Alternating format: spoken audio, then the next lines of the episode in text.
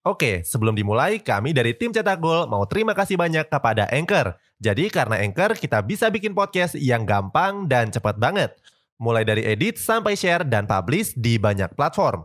Mulai dari Spotify, Apple Podcast, sampai platform podcast lainnya. Aplikasi Anchor ini gratis, bisa di-download di App Store dan Play Store, atau kamu juga bisa akses di website www.anchor.fm.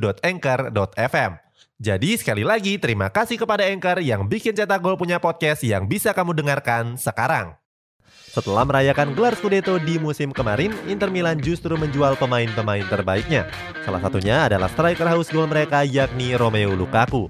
Walaupun begitu, Inter Milan diprediksi masih bisa berbicara banyak di musim ini. Cetak Gol coba merangkum alasannya sebagai berikut.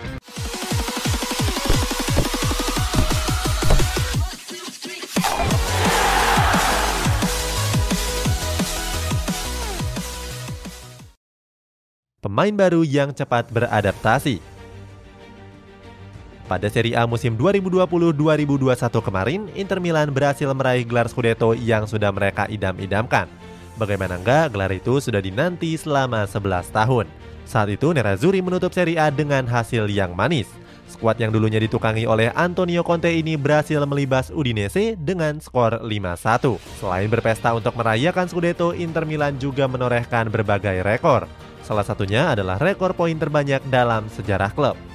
Sebelumnya mereka mampu mengumpulkan lebih dari 90 poin akan tetapi torehan ini cuma terjadi satu kali saja saat mereka masih ditukangi oleh Roberto Mancini. Saat itu Nerazzurri berhasil mengumpulkan 97 poin di musim 2006-2007. Di musim kemarin setelah merayakan gelar Scudetto, Inter Milan justru dihadapkan dengan masalah yang besar. Klub yang bermarkas di GCP Meazza ini mengalami krisis finansial yang mencekik. Nerazzurri bahkan harus menjual beberapa pemain bintang mereka. Hal tersebut terpaksa dilakukan supaya neraca keuangan klub menjadi lebih stabil. Salah satunya mereka melepas striker asal Belgia yakni Romeo Lukaku. Setelah menjual Lukaku, Inter Milan langsung bergerak cepat untuk mencari penggantinya. Saat itu, Nerazzurri sudah mendatangkan dua penyerang yang baru. Dua penyerang anyar tersebut adalah Edin Zeko dan Joaquin Korea. Kedua pemain ini langsung beradaptasi dengan cepat di skuad Nerazzurri. Edin Zeko yang baru beberapa jam bergabung langsung mencetak gol di laga debutnya. Saat itu, Edin Zeko menjebol gawang Dinamo Kiev di dalam laga uji coba. Sementara di laga debut Serie A melawan Genoa, Edin Zeko menyumbangkan satu gol. Gak cuma itu, Edin Zeko juga mengirimkan asis untuk gol Hakan Calhanoglu. Gak cuma Edin Zeko, Joaquin Korea juga mencetak gol pada laga debutnya melawan Hellas Verona. Saat itu, Korea baru masuk pada menit ke-74 menggantikan Lautaro Martinez. Gak terkalahkan dalam 6 laga. Walaupun terombang ambing akibat krisis, Inter Milan membuktikan diri sebagai klub yang tangguh. Kehilangan pemain bintang nampaknya nggak memberikan dampak yang signifikan bagi Nerazzurri. Klub yang sekarang ditukangi oleh Simone Inzaghi ini nggak terkalahkan dalam enam laga terakhir. Saat itu Nerazzurri sedang mempersiapkan musim yang baru dengan melangsungkan empat laga uji coba. Hebatnya semua laga tersebut berhasil disapu bersih dengan catatan nggak terkalahkan. Di partai selanjutnya Inter Milan meraih kemenangan dengan skor yang besar. Saat itu mereka berhasil mencukur Kroton dengan 5 gol tanpa balas. Sementara di dua laga sisanya Nerazzurri juga mengandalkan perlawanan Parma dan Dinamo Kiev. Setelah meraih hasil memuaskan pada laga uji coba, Inter Milan melanjutkannya ke Serie A. Di partai pertama Serie A, mereka mencukur habis Genoa dengan 4 gol tanpa balas. Berlanjut, di partai keduanya, Inter Milan berhasil mengalahkan Hellas Verona dengan skor 3-1. Saat ini, Inter Milan berada di posisi kedua klasemen sementara dengan mengumpulkan 6 poin.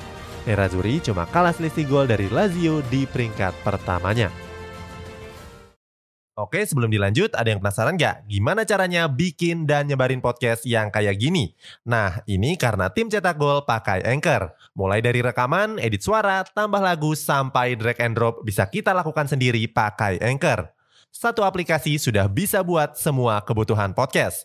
Bisa di-download dari App Store dan Play Store atau bisa juga diakses dari website www.anchor.fm.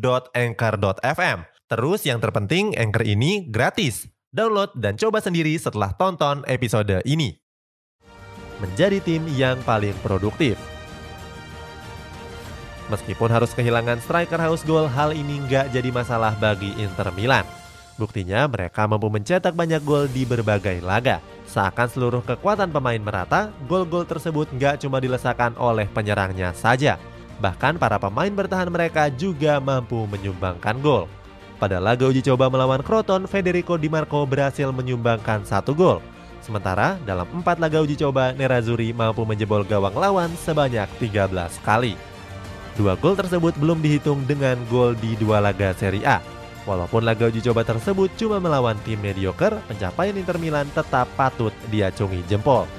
Sementara itu, dalam dua laga Serie A terakhir, rasio gol Inter Milan juga nggak menurun. Bahkan Nerazzurri jadi salah satu klub yang paling produktif di Serie A. Saat ini Inter Milan sudah menjebol gawang lawan sebanyak tujuh kali. Nggak cuma lini serang yang gacor, lini pertahanan Nerazzurri juga terbilang kokoh. Bagaimana enggak dalam dua pertandingan tersebut gawang mereka cuma bobol sebanyak satu kali. Kebobolan itu pun terjadi karena blunder konyol dari Samir Handanovic. Saat itu Handanovic berniat untuk memberikan bola kepada Marcelo Brozovic. Sayang, kiper asal Slovenia ini memberikan umpan yang tanggung. Akibatnya bola tersebut mampu direbut oleh pemain Hellas Verona yakni Ivan Ilik. Tanpa pikir panjang, Ilik langsung mencungkil bola dan berhasil menjebol gawang Inter Milan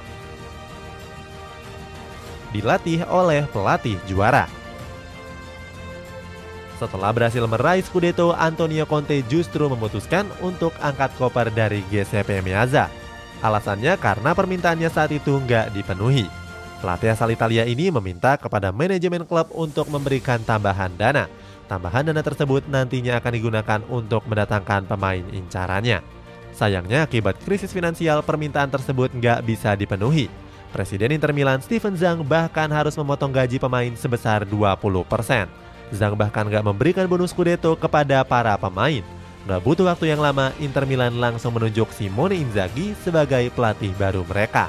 Kehadiran Inzaghi diharapkan mampu membawa Inter Milan kembali merengkuh trofi juara.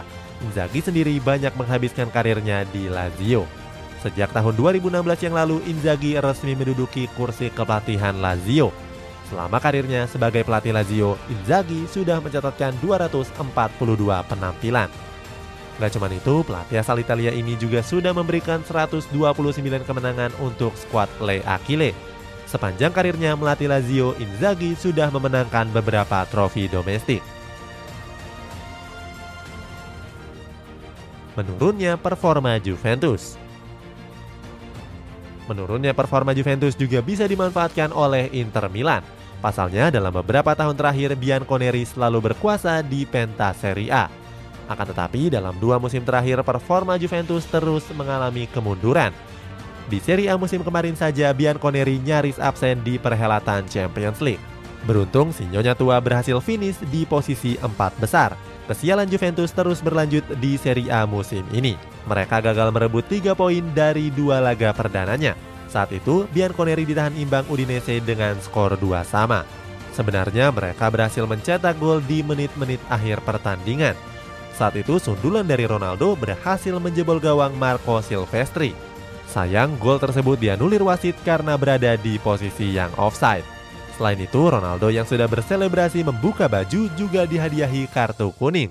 Sebagai informasi, di musim ini Juventus juga akan berlaga tanpa Ronaldo. Bomber asal Portugal tersebut memutuskan untuk kembali memperkuat klub lamanya Manchester United. Itulah sejumlah faktor kenapa Inter Milan masih bisa berbicara banyak di musim ini. Bagaimana pendapatmu? Apakah kamu setuju dengan hal tersebut?